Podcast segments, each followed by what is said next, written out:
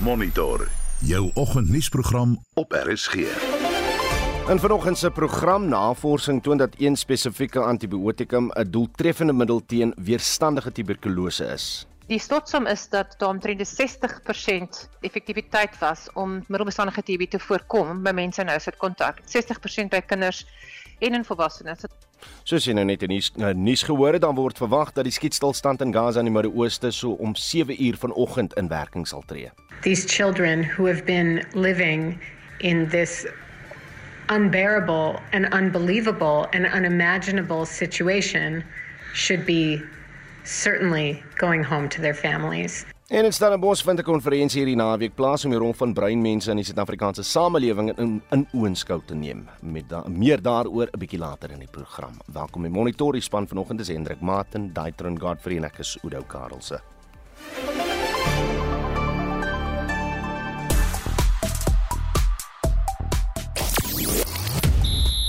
In jou sportnuus, ongelukkigheid oor kaartjiepryse vir aanstaande jaar se Olimpiese spele in Parys, Frankryk, in golf ronde 2 van die Joburg Ope wat voorlê en in rugby kyk ons na al die Verenigde Rugby Kampioenskap kragmetings waar Suid-Afrikaanse spanne die naweek in aksie gaan wees.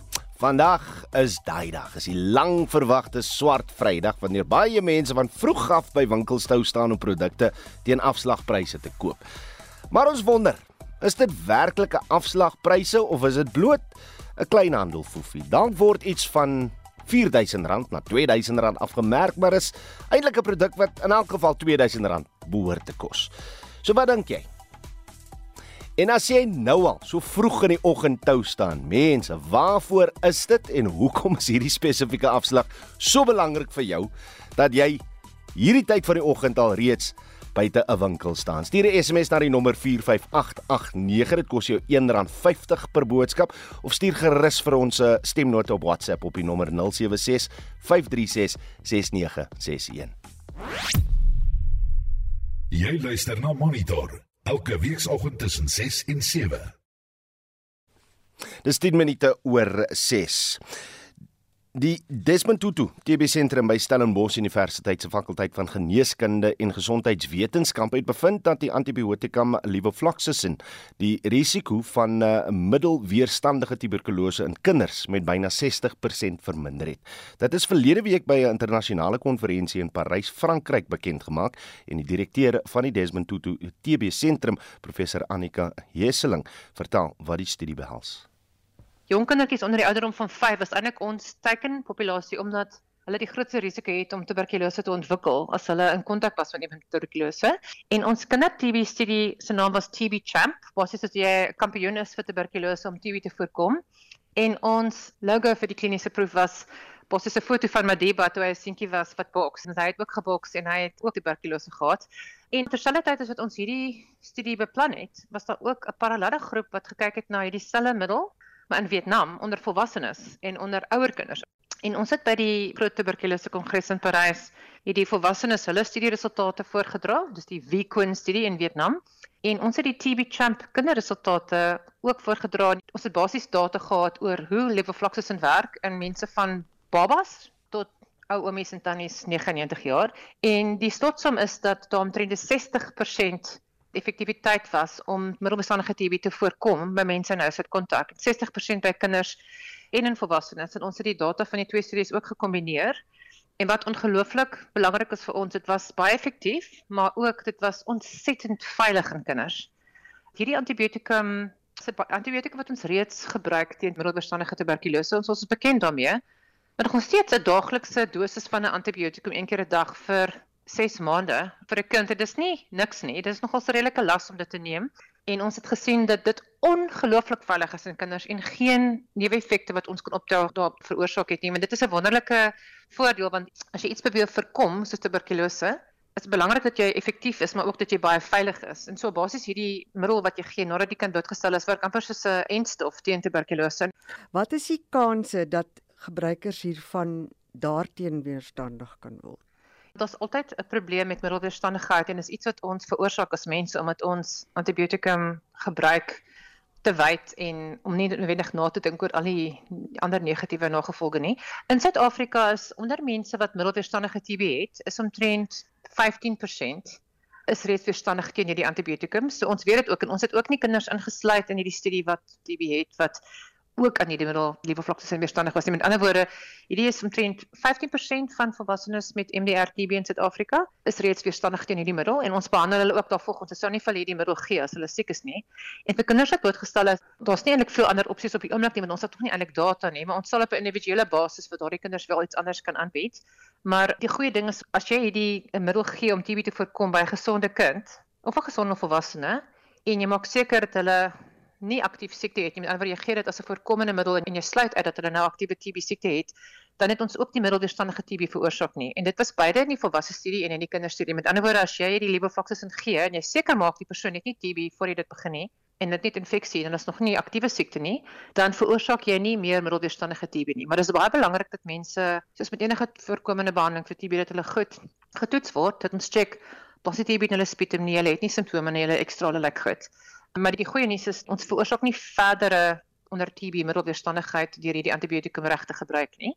Maar daar's natuurlik ook reeds kinders en mense wat blootgestel is aan TB goggas wat reeds weerstandig is teen hierdie antibiotikum. En daar's 'n ander groot studie wat nog 4 jaar gevat om klaar te maak wat kyk na 'n ander nuwe middel daarteen, the laminate, en of dit ook kan werk. En daardie studie word gedoen in 26 sites in 15 verskillende lande en dis 'n baie baie groot studie. So daar sal oor daardie vraag ook nog in die toekoms se antwoord wees. Ons het ten minste daarom nou vir die meerderheid van mense wat blootgestel word aan middelweerstandige TB 'n goeie antwoord vir iets wat effektief is en veilig is. En ook wat vir my besonderlik baie beteken is dat dit was nie net ook koste-effektief om hierdie te gebruik nie, dit was kostebesparend. Dit red kinders se lewens en dit spaar geld.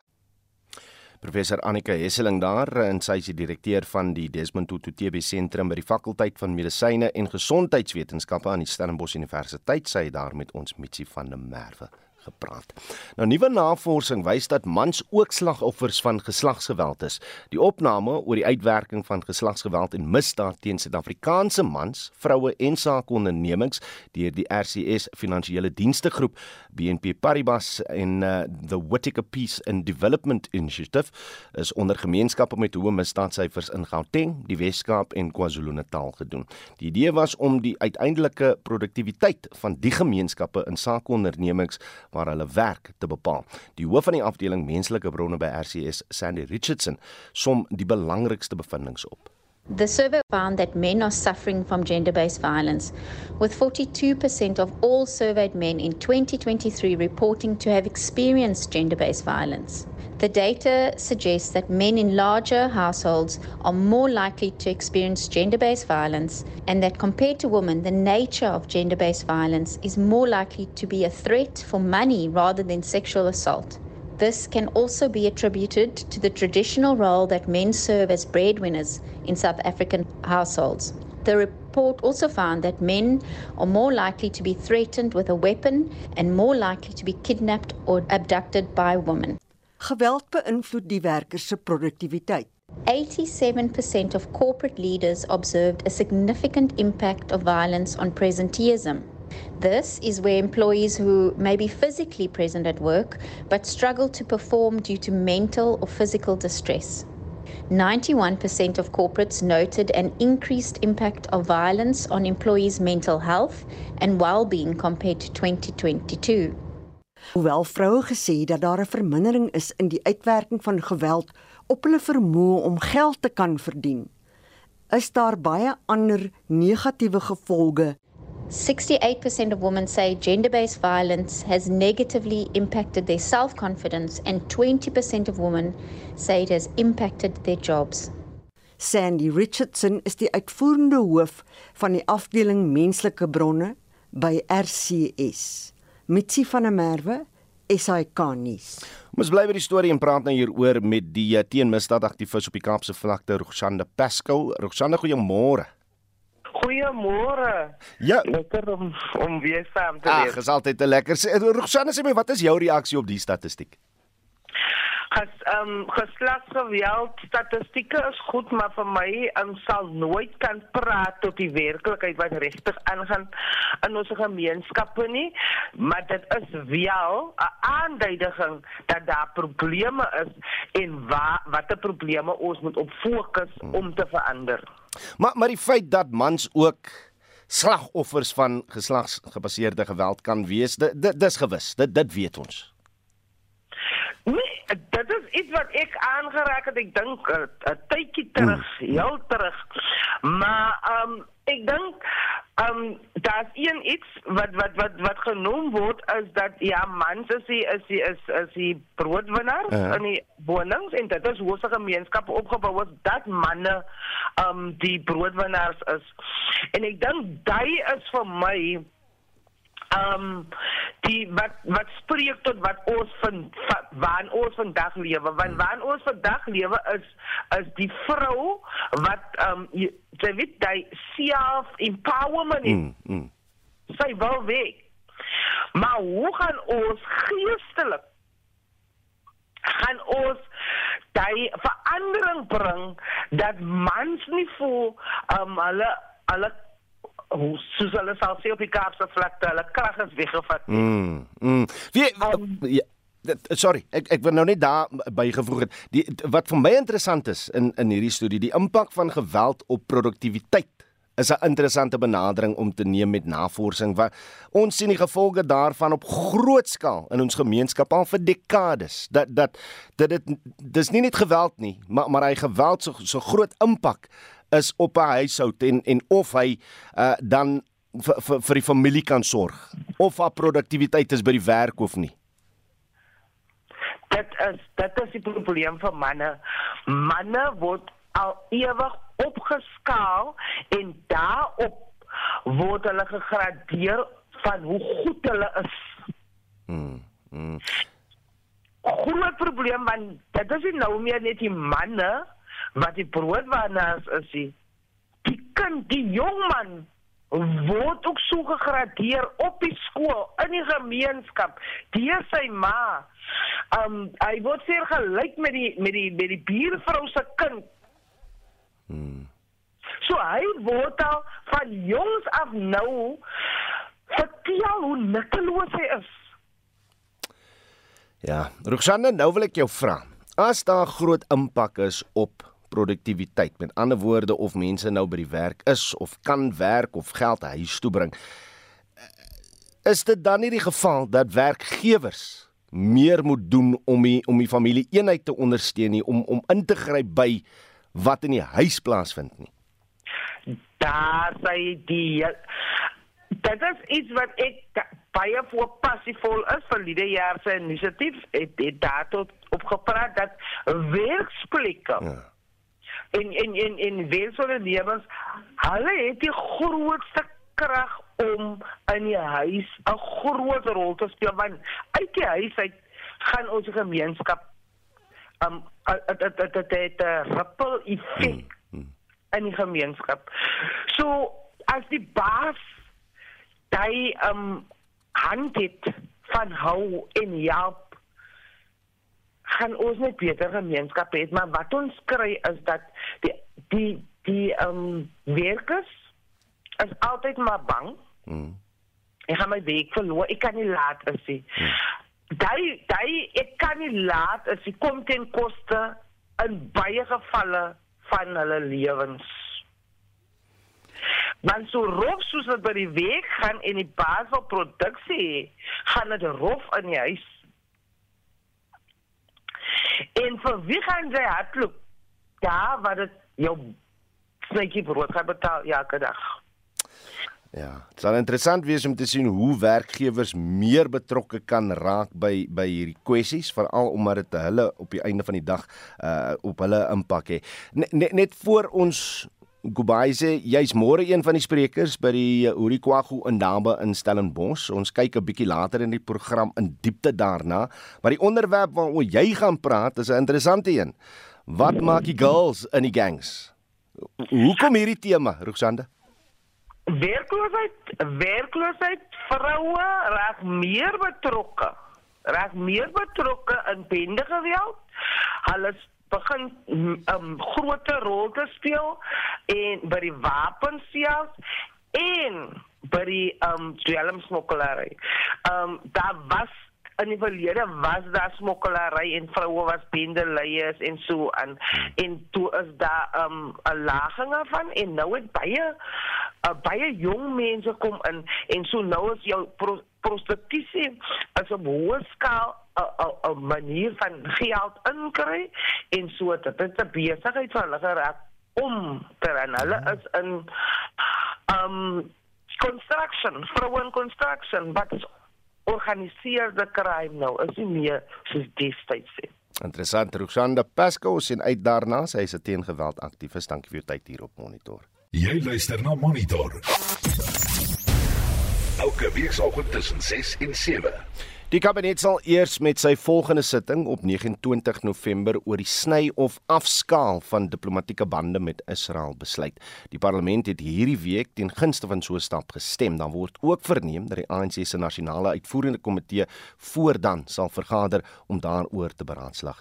Die departement van internasionale betrekking en samewerking het reeds sy diplomate van die ambassade in Tel Aviv vir konsultasies herroep en uh, die drie amptenare het pas na Suid-Afrika teruggekeer. Ons praat nou met professor Dirk Kotse van uh, Unisa se departement politieke wetenskap. Dirk, goeiemôre. Goeiemôre Oudo. Sê my, is die departement van internasionale betrekking en samewerking verplig om die besluit deur die parlement uit te voer? Nee, hulle is nie. Ehm um, die regering op sigself, die kabinet is ook nie. Uh die parlementêre debat was 'n debat geweest wat ek dink bedoel is om 'n aanduiding te gee van wat is die verskillende partye se posisies daaroor. Ehm um, wat is die meerderheidsstandpunt? Maar dit het geen bindende effek nie. Ehm um, die besluit is 'n dis 'n beleidsbesluit. Ehm um, en die regering neem die besluit. Dit beteken die kabinet, nie nie die parlement nie. Ehm um, die parlement se se primêre taak is om wetgewing te aanvaar. Ehm um, nie om die uitvoerende komponent van beleid om daarbey betrokke te raak nie. Sou daar meningsverskille hieroor wees binne die kabinet, wat gebeur dan? Dan besluit die president.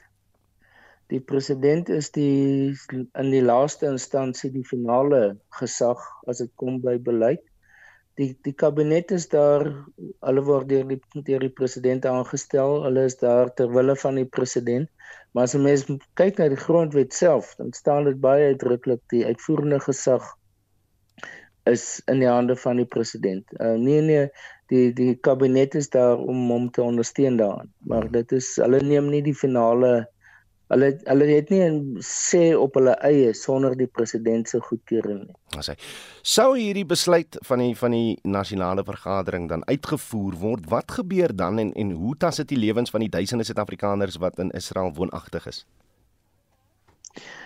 Wel wat dit op 'n baie praktiese sin sou beteken is is dat daar is dan nie meer 'n 'n uh, 'n uh, 'n uh, uh, ambassade in sit uh, in Israel nie um, en Israel het nie 'n ambassade in Suid-Afrika nie. Um, en dit het dan spesifiek te maak met konsulêre dienste. Hmm. Wat sal beteken dat 'n naburige ambassade sal namens uh, die mense van in in in Israel moet optree of as dit Suid-Afrikaners byvoorbeeld 'n visum wil hê om uh, Israel toe te gaan dan sal hulle dit uh, op ander op alternatiewe maniere moet doen as hulle spesifiek na 'n in ambassade te moet gaan. So dit dit is die die die mees praktiese aspek daarvan. Ehm um, as dit kom by om diplomatieke om verhoudinge tussen lande te skep, dan gaan dit ook meer indirek moet plaasvind. Dit gaan via ander instellings moet wees. Soos ek sê, in sommige gevalle is dit dan ambassades van ander lande wat as tussenganger optree. So dit is in in in 'n in 'n praktiese sin wat daar sprake is. Uh in 'n meer in 'n politieke sin beteken dit dat daardie lande op 'n baie verder afstand van mekaar of is dat hulle nie direkte bande wil hê nie en dat hulle byvoorbeeld nie verhoudings tussen die twee lande en die mense hmm. in die twee lande noodwendig wil wil bevorder. Dat net net 'n laaste vraag in die in die 30 jaar geskiedenis van ons demokratiese bestel het so iets al voorheen gebeur. Nee op hierdie skaal en so so dikwels nie, want dis natuurlik nie die eerste keer hmm. wat hierdie punt bereik is en dat die ANC sê dat daar diplomatieke dat die diplomatieke bande moet verbreek word nie en ook wat uh, uh, ambassadeurs aan albei kante teruggeroep is nie. So dit dit is die land wat ek dink die die meeste onder hierdie uh deurloop onder hierdie tipe van optrede. Daar's geen ander land met wie Suid-Afrika verhouding het wat uh, in in dieselfde mate dit geplaas vind. Dit was professor Dirk Coetzee van Unisa se departement politieke wetenskap. Wêreldnuus. En Marlie Skeper sluit nou by ons aan met 'n oorsig oor vandag se wêreldnuus. Ja, die wêreld hou asem op in afwagting van die skietstilstand tussen Hamas en Israel wat vanoggend om 7 uur begin. Die uitruil van 50 Israeliese gijslaers met 150 Palestynse gevangenes sal om 4 uur vanmiddag plaasvind. Nagenoeg 240 Israeliese burgers is op 7 Oktober tydens die Hamas-aanval ontvoer. Die aktrise Rachel Goldberg se seun, wat vermoedelik sy arm tydens die aanval verloor het, is onder die gijslaers. These children who have been living in this unbearable and unbelievable and unimaginable situation should be certainly going home to their families. So it makes sense to me. Obviously, I want my son home, but I understand. I think it makes sense. And we also don't know the details of the deal. Maybe others are coming home. You know, we know what you know. En ons nog insit in tel is dit al meer as 40 dae wat die gijslaers aangehou word. En 'n senior Hamas amptenaar, Khalil Al-Hayya, sê die skietstilstand kan 'n draaipunt in die oorlog beteken. We exchanged suggestions and responses here and there under the auspices of Qatar Egypt. Thank you for that. And we've appreciated them from the very first day. But we believe that we're in a decisive moment in this matter. And we'll hope, God willing, this truce will be this temporary truce under which it is the cessation of aggression. Die volgende paar dae gaan nie net oor die gijslaers nie, dit gaan ook grootendeels oor die humanitêre noodvoorraad. Ja, en ondanks die welkome skietstilstand moet daar in gedagte gehou word dat dit slegs tydelik is, want Israel se eerste minister Benjamin Netanyahu hou voet by stuk dat die oorlog teen Hamas sal voortgaan. The first goal, the elimination of Hamas, does not stop until it's done. Second goal, the return of the hostages. We're making progress. Die Rooikruis sal as fasiliteerder optree tydens vanmiddag se uitruilproses van gevangenes en gijslaers. En dit was Marlies Skeepers met 'n oorsig oor vandag se wêreldnuus. Jy luister na Monitor elke weekoggend tussen 6 en 7. 6:32 en in die tweede helfte van ons program vanoggend die skietstilstand tussen Hamas en Israel begin binne 'n halfuur soos jy nou net gehoor het. Oscar Pistorius verskyn vandag voor die Paroolraad en in Stellenbosch vind 'n konferensie hierdie naweek plaas bekend as die Hurikwagu om die rol van breinmense in die Suid-Afrikaanse samelewing in oënskou te neem. Bly ingeskakel.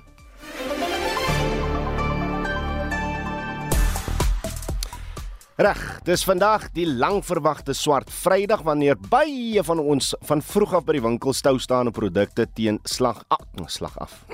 Afslagpryse te koop. Sê my, is staan jy tans stou? En waarvoor staan jy toe? Wat het jy gesien wat wat gemaak het dat jy ver oggend vroeg uit die bed is om buite 'n winkel te gaan staan voor 7:00 die oggend? As jy een van daai mense is, laat weet asseblief. Ons het gevra dat jy vir ons 'n paar SMS'e stuur, ook eh, stemnotas. Hier is wat jy te sê het. Ek dink dis meer tot voordeel van die besighede as wat dit tot voordeel van die kopers publiek is. Meeste mense koop op swart Vrydag bloot daardie goed wat nie regtig allerbelangrikste noodsaaklikhede is nie, maar wat 'n bloot uh lekker is om om aan te skaf En daarom dink hulle swart Vrydag is nou die dag om teen afslag daardie ding aan te skaf wat hy of sy nie regtig die volle prys uh hoef of kon betaal voorheen nie. Dit is eintlik maar net luksehede wat goed verkoop. Die noodsaaklikhede is nie regtig 'n bargain om te koop nie. Kyk, met vandag se Black Friday, uh het ons aanlyn bestel en en die goed al lankal gekry. Dit dit is heerlik. En ek het gesien die winkels het uitgepak, maar ek gaan my tyd so kies vandag. Uh, Daai winkel moet definitief nie 'n kragonderbreking hê nie of load shedding hê nie, want hierdie son gaan jou doodbrand vandag en dit is selfs vir 'n bargain gaan ek nie in 35 grade hitte staan en wag nie. Amen. Amen. Nou, Stuur nog vir julle SMS se deur na die nommer 45889. Dit kos jou R1.50 per boodskap of maak soos hierdie luisteraars gemaak het en stuur vir ons 'n lekker stemnota vir alles jy daar in die lyn staan en wag vir die meubels wat jy na 7 uur vanoggend gaan koop. Laat weet asseblief. Uh die stemnota nommer 0765366961. Jy luister na Monitor. Elke weekoggend tussen 6 en 7. Die Reserwebank se monetêre beleidskomitee het die repo koers onveranderd op 8,25% gelaat. Die komitee het eenparig so besluit en ons praat nou met Johan van Tonder, ekonom en navorser by Momentum Groepstrategie daaroor. Johan, goeiemôre. Goeiemôre, hoe gaan dit? Nee, dit gaan goed en ek dink uh, alle Suid-Afrikaners sê vir, vir nou eers baie dankie aan die monetêre beleidskomitee oor die besluit, maar hoekom die besluit en en net julle dit verwag? Ja, dit is 'n groot verligting vir meeste verbruikers met uh, krediet. Ek sal nou nie sê dit's goeie nuus nie want uh, rentekoerse is klaar baie hoog en inflasie is steeds hoog. Maar die rede waarom uh, die Reserwebank besluit het om rentekoers onveranderd te laat is omdat hulle voorsien dat die inflasiedruk volgende jaar bietjie gaan verminder. Aan die ander woorde, pryse gaan bietjie stadiger styg as wat dit hierdie jaar gaan styg en dat dit ook in die jaar daarna nog verder kan verminder. En daarom is nie nodig om rentekoerse verder te verhoog nie. Nou ek is seker omdat dit swart Vrydag is, gaan daar nou baie Suid-Afrikaners wees wat sê, "Sjoe, dankie tog." Ehm um, ons gaan nou nie meer betaal op die verband op die huis nie, so nou kan ons maar gaan inkopies doen op swart Vrydag. Wat sê jy vir hulle?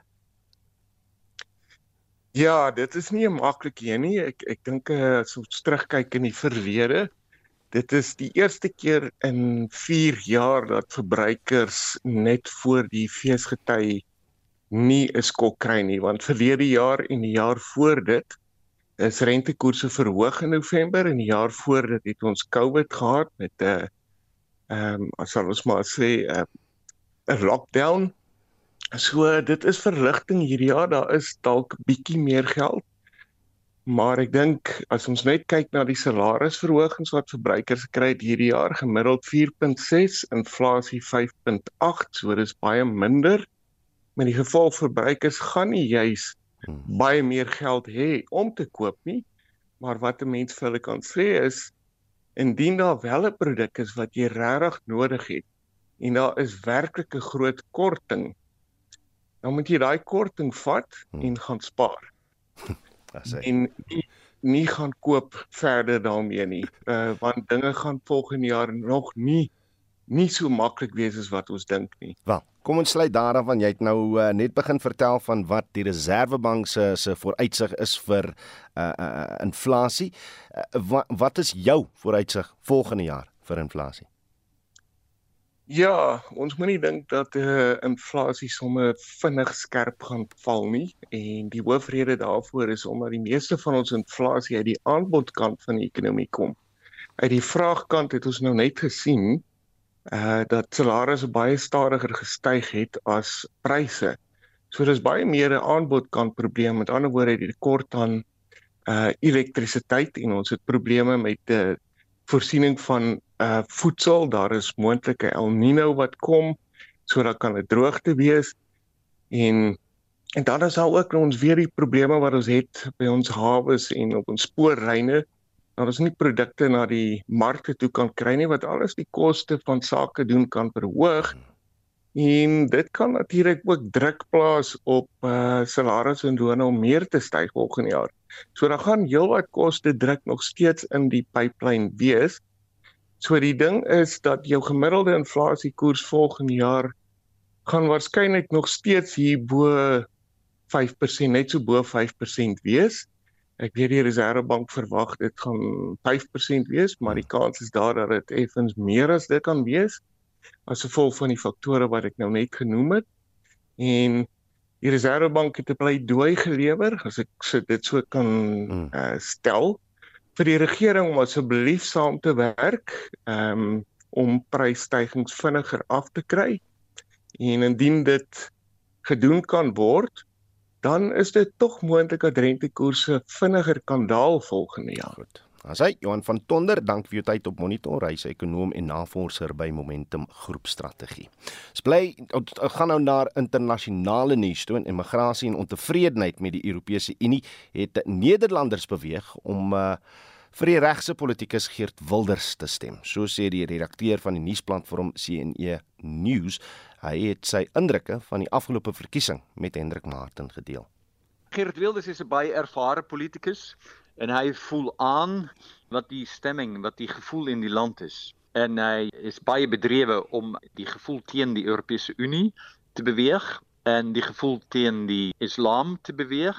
So dis die twee dinge.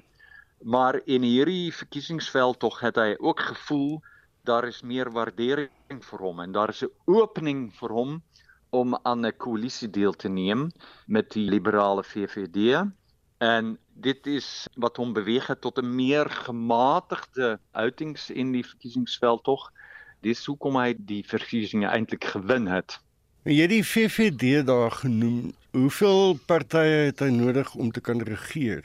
Die VVD was die laaste 13 jaar die grootste gewees en die VVD het altyd twee of drie ander partye nodig gehad om te kan regeer. Die uh, parlement het steeds meer verdeeld geraak in kleiner partye. En ook in hierdie verkiesings en hierdie uitslag is dit ten minste drie partye wat nodig is om te kan regeer en moontlik ook vier. In die laaste regering van uh, Mark Rutte, dit was met vier partye gewees en uh, soos jy verstaan, met vier partye 'n koalisie dit is moeilik en dis maar kwetsbaar en dit gaan maklik breek. So uh, ons weet nie hoe stabiel die uh, komende periode sal wees nie. Mense stem vir Wilders as hulle klaar is met die ander partye. Dis nou nie werklike positiewe stem nie, maar dis eintlik 'n stem teen die gevestigde orde. Jy het nou na hierdie verwys as 'n protesstem. 'n Protesstem, ja. Wat mense uitgebring het. Mense aanvaar dat in ander lande waar regse partye oorgeneem het, dit ook die geval was. So wat is die kwessie wat mense beweeg om so te stem? Is dit maar die immigrante? Die belangrikste protes wat die mense wil uitbring is 'n stem teen die immigrante. Ja. En ook 'n stem teen die Europese Unie. Ek dink dis die twee dinge, maar die belangrikste is tog die immigrasie. Hulle hou nie daarvan dat ander mense in ons land kom wat ander tale praat en ander godsdienste het nie. En so dis die rooi lyn, die konstante lyn wat in die proteste is. En dan net 'n laaste vraag, hoe dink jy gaan dit Nederland se verhouding met die res van Europa beïnvloed? Want in die res van Europa daar is regse leiers, maar daar's ook nog linkse leiers. En natuurlik die Europese Unie. Die verhouding met die ander ehm, lidstate van die Europese Unie gaan net moeiliker word. Dit gaan net nie 'n klein bietjie moeiliker word nie, maar dit gaan baie moeiliker word. Want ook die ander regse regerings in Europa is ook meer nasionalisties en meer anti-Europese Unie. So dit beteken dat dit nie noodsaaklik nie noodwendig bondgenote van Wilders is nie, maar juis eintlik meer teenstanders. So dit beteken dat die gedagte dat die Europese Unie 'n gesamentlike immigrasiepolitiek sou moet voer, dit gaan van die tafel af. Dit beteken dus dat al die lande op hulle eie eie immigrasiepolitiek sal wil voer. So dit beteken dat ook die regse regeringe in Europa nie noodwendig sal gaan saamwerk nie maar met mekaar beklei. So dis wat ons tog kan verwag in die komende paar jaar. En dit was Ewert van Vlastein, die redakteur van die nuusplatform CNE.nuus. Die Kaapse Forum bied môre, dis nou Saterdag 25 November, die Hurikwagu in Daba aan. Waar die breingemeenskap se uitdagings deeglik bespreek kan word. Van die besprekings waaroor talle sterk sprekers gaan besin, is byvoorbeeld die Erika Teron kommissie van die 1970s. Die voorsitter van die Kaapse Forum, Heinrich Weingart, gaan nou met ons praat daaroor. Heinrich, goeiemôre. Môre Oudo, ook aan die luisteraars, soos altyd 'n groot voorreg om met jou te praat. Dis Kersfees vir die Kaapse Forum môre in Stellenbosch, né? Nee? Ek bly sien nie dit Black Friday vir ons môre nie. Luister voor ons by by kwessies soos die Toron kommissie uitkom en en wat die Indaba se benadering gaan wees teen oor so uiters interessante dokument. Dit dit val my gister by toe ek nou gelees het oor wie gaan praat en waaroor julle gaan praat. Die die naam van julle Indaba is vir my so 'n lekker gesprekspunt. Die Urikwagosi is die naam wat ons koei en san mense vir Tafelberg gegee. Tog hier is ons 30 jaar later in die demokrasie met al die naamsverandering aan strate en stede. Maar Tafelberg, 'n naam wat 'n Portugese en daarna 'n Nederlandse verkenner die berg gegee het, bly steeds Tafelberg. Wat sê jy daaroor? Ek sê Oudo en so is daar vele ander plekke wat 'n mens sou hoop teen hierdie tyd al hernoem sou word, maar belangriker ons sien steeds te min in die stad en in die Weskaap plekke wat vernoem is na die inheemse mense die meerderheidsbevolkingsgroep van hmm. hierdie provinsie. Maar dan wil ek onmiddellik byvoeg, in die Oos-Kaap verander hulle wragtig elke week 'n naam, maar die dienslewering is op die grond. Hmm. So gee my eerder beter dienslewering en kom ons praat later oor naamsveranderinge. Reg, ek ek was in 1978 gebore en was seker so 10 jaar oud toe daar om die tafel met sekere familielede op sekere familiegeleenthede gedebatteer is oor die Erika Teron uh, kommissie bevindinge. Vir vir mense wat vergeet het of glad nie daarvan weet nie, hoekom word uh hierdie dokument by die beraad oorbesin? Dit gaan daaroor uh, dat in 1973 het die destydse nasionale party regering dit goed gedink om 'n kommissie aan te stel wat moes aan ondersoek gedoen het in die taal van daai tyd na aangeleenthede rakende die kleerling bevolkingsgroep. 'n kommissie wat ingestel is met alle goeie bedoelings. Maar 3 jaar later in 1976 toe die verslag in die parlement ter tafel gelê word, toe word dit behandel soos wat gebeur vandag nog met kommissieverslae. Hmm. Daar word weer geblaai en dit word daar iewers in 'n leer of liewer in 'n kas ehm um, uh, neergesit dat dit dan stof vergader. Dis nou presies 50 jaar later want ek is in 73 gebore, ek het my 50ste verjaardag einde Julie gevier. Hmm. En ek het gedink maar genade as daar nie vanuit eie gemeenskap vanuit die groep mense oor wie daai kommissie moes ondersoek doen self gesê wat behoort ons net te kyk na was daar enigsins waarde in so 'n kommissie en wat sê ons vandag oor dit waarna die kommissie ondersoek ingestel het maar belangrik dat ons mekaar vra watter voorstelle is daar vir oplossings hmm. aan die probleme die veral kroniese gemeenskapsarmoede soos wat die kommissie dit geartikuleer het wat steeds voortleef ten spyte van 'n nuwe bedeling van 30 jaar in daai gemeenskappe. Uh, luister, ek sit in Johannesburg, maar ek wil bitter graag sien wat aan gaan. Gaan julle beeld send op enige platform en en en net laaste vraag aan. Ehm um, as julle nou wegstap van hierdie Indaba, wat wil julle bereik? So so eerstens ja, ons gaan ons gaan jy weet 'n live streaming is mos nou eers daai inding. So ons gaan dit doen en ons sal daai skakel op ons sosiale media platforms deel. Ek wil diep punt maak, Oudo. Ons is nou en as ons nie is nie of as ander mense nie is nie dan behoort hulle te wees verby die gesanik oor identiteit. Wie is brein? Hoe hmm. identifiseer jy breinmense? Bla bla bla. Breinmense is mense wat hulle self dit noem. En ons praat hier van breinmense as mense wat kultureel identifiseer as breinmense. Hmm. So ons laat vaar daai ehm um, weet die die die label die klassifikasie van die destydse wet op bevolkingsregistrasie ten spyte daarvan dat die ANC regering voortgaan om daai klassifikasies te gebruik. Ons sê ons weet wie ons is en ons weet die beste van die uitdagings in die gemeenskappe waar mense woon wat hulle self breinmense noem. Dis tyd dat ons praat oor wat moet ons doen aan daai probleme. En daarom sal jy op die program sien ons het van 'n baie oulike innoverende jong juffrou Robin Botha wat daar in Beaufort wees, die kinders leer lees en skryf op die maat van jy weet die lekker musiek wat die jong mense mm, so mm, voortaan. Mm, mm. Dan het ons natuurlik 'n politieke swaar gewig soos Dr. Allan Boesak wat wat 'n politieke oorsig sal doen maar ons het ook die insigte van 'n Crispin Son wat die voorsteur van die KAK direksie is en 'n Christo van der Rede geen onbekende op RSG nie om om daai balans te hou en dan hoekom vroue wat oor misdaad praat soos Roxanda wat jy vroeër opgehaat ja. het en Nicolette Kneer vrou van die vermoorde luitenant-kolonel Charles Kneer want dis vroue wat die grootste slagoffers van misdaad is in gebiede en breingebiede terwyl dit die mans is wat meestal daai misdaad doen. Heinrich Weingart, dankie vir tyd om monitor. Hy is die voorsitter van die burgerregte organisasie Kaapse Forum. Luister môre na naweek aktueel tussen 12 en 1 die middag wanneer ons breedvoerig oor die Hurikwagu konferensie sal berig. Jody Hendriks lag gereed met 'n blitsoorsig oor van uh, dag se sportnuus. Jody, goeiemôre. Goeiemôre Oudo. Ons begin met dis oor die Parys spele volgende jaar en die Franse is bietjie ongelukkig oor kaartjiepryse. Ja, nagenoeg 7,2 miljoen kaartjies reeds verkoop, maar van die kaartjiepryse byvoorbeeld vir atletiek op die Stade de France, Oudo, sal tussen 5 en 20000 eh, rand kos om dit by te woon. Jy sal ook onthou ons het onlangs by die rugby wêreldbeker oor kaaskiepryse gepraat wat in die omgewing van R15000 was vir die eindstryd. En na, reg, golf toe, uh Joburg oop rond te 2 vandag. Wie loop voor?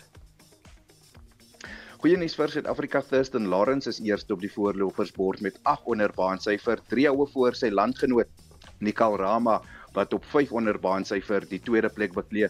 Dan wil ek ook net noem Tiger Woods het gister bevestig hoe dat hy vroeg in 2024 sy terugkeer na die golfbaan sal maak vir die voormalige wêreldnommer 1. As hy sokker en eh, 'n uh, paar groot wedstryde wat uh, reg oor die wêreld die naweek plaasvind, né? Ja, kom ons begin gou in Engeland. Môre half 3 is dit Man City teen Liverpool, 5 uur pak Newcastle United en Chelsea mekaar, dan Sondag om half 7 Everton in 'n tuiswedstryd teen Man United. Plaaslik nog 'n Soweto derby Kaizer Chiefs teen Morocco Swallows en Italië is dit die kragmeting tussen Inter Milan en Juventus wat ook Sondag aand plaasvind. Reg en die stomme span van môre aan se wegwedstryd teen Cardiff en Wallis is bekend gemaak en uh, 'n uh, boelspeler is geskort. Ja, uh, die Stormers, dit is die veteran Brock Harris uh, wat die span gaan aanvoer. Dit in sy 400ste se professionele wedstryd vir die span en afskoptyd is om 25 eh, voor 10 dan die Bulls se kaptein Marcel Coetzee vir 3 wedstryde geskort na 'n gevaarlike hoogvat verlede week op Pier Skuman. En dan die uh Lions het 3 veranderinge aangebring aan hul span wat eh, Zebre Saterdagmiddag is na môre middag op Ellis Park in Johannesburg in die Verenigde Rugby Kampioenskap by stryd gaan aansê om meer oor die wedstryd te praat. Uh sluit ons nou aan by Ricardo Loupsher, die hulpafrigter van die span. Ricardo, goeiemôre môre. Oude. Kom ons begin net by jou. Daar sê nee, dit gaan lekker man, lekker om jou uh op die program te hê. Ons begin net uh, met die vorm op die oomblik. Vyf wedstryde die die, die seisoen net een gewen en uh, julle is 13de op die punte leer. Dis nie die begin wat julle gesoek het nie, nie. Ja, nee, ide, ideaal vir ons sê maar wat ons kan vat uit die wedstryde. Ons kon net wel al vyf gewen het. So uh, in in die kamp almal is positief. Uh ja, ons is opgewonde oor môre en uh, ja, as ons kyk na nou wedstryde, goeie karakter gewys en uh, ja, ons kan net miskien iets waaroor ons baie gepraat het, is 'n bietjie meer klinies wees uh en meer konsekwent wees uh sodra ons geleenthede kry. Uh, Ricardo Jody, so net gou, julle is bekend vir julle hardloop rugby om die bal so gou as moontlik by die vleuels te kry, maar die seisoen het dit nie altyd vir julle gewerk nie. Ja, dankie Jerry. Ons het gepraat rondom dit en as ons kyk na ons toer is maar jy met die kondisies speel, so van die kondisies was redelik uitdagend geweest en ja, die plan is altyd om die bal by ons uh, agterste driehoek te kry, maar ons momentum nodig. Ehm um, so ja, so ons sien uit na wedstryd teen Zebra. Hulle is 'n baie aanvallende span. Hulle speel ongelooflike rugby, speel met baie passie, so maar ons wil net graag fokus op onsself en ek dink hier is die ideale geleentheid uh, vir ons om uh, weer terug te kom na die na die wenkant soos hulle sê. Gaan julle wen? Ja, verseker. Ons sien uit na die wedstryd. lieflik, lieflik. Net so vinnige geselsie daar met die hulper af, afrigter van die Lions, uh, Ricardo Loupsha. Uh dankie vir jou tyd hier op monitor en 'n groet dan ook vir uh, Jody Hendriks. Reg net so vinnige terugvoer uh, en ons vra natuurlik vanoggend of julle nou 'n bietjie uh, winskoppies reeds gesien het waarvoor julle vanoggend gaan tou staan op swart Vrydag. Uh laat weet op die SMS lyn sê Gietjie van Ermelo ek spaar 100% vandag want ek gaan niks koop nie. Môre Oudo ek is werkloos so ek sal maar net kyk na al die winskoopies dis nou anoniem.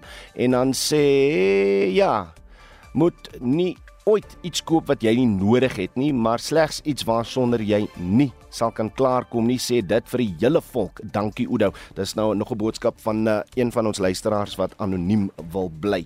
Ehm um, net so vinnig ons loop enige groot verkeersprobleme aan my. Ja, op die N2 suid is daar 'n opeenhoping van verkeer na die afrit by Higginsons Hoofweg en dan verwag maar vertragings. As hy stuur nog van julle SMS'e deur na 45889, julle boodskappe gaan julle R1.50 per boodskap kos, maar vandag net 75 sent. ek speel nie, ek speel nie. En stuur vir ons 'n stemnota op WhatsApp op 076 536 696. En 'n SMS gaan jou R1.50 kos, nie, beloof. Reg, ons groete namens ons uitvoerende uh, regisseur Nicoline Lou, ons redakteur vanoggend Hendrik Mate en ons produksieregisseur Daitron Godfrey en ek is Oudo Karel se geniet die res van die dag in die geselskap van RSG en nie die mense wat tou staan by die winkels nie. Totsiens.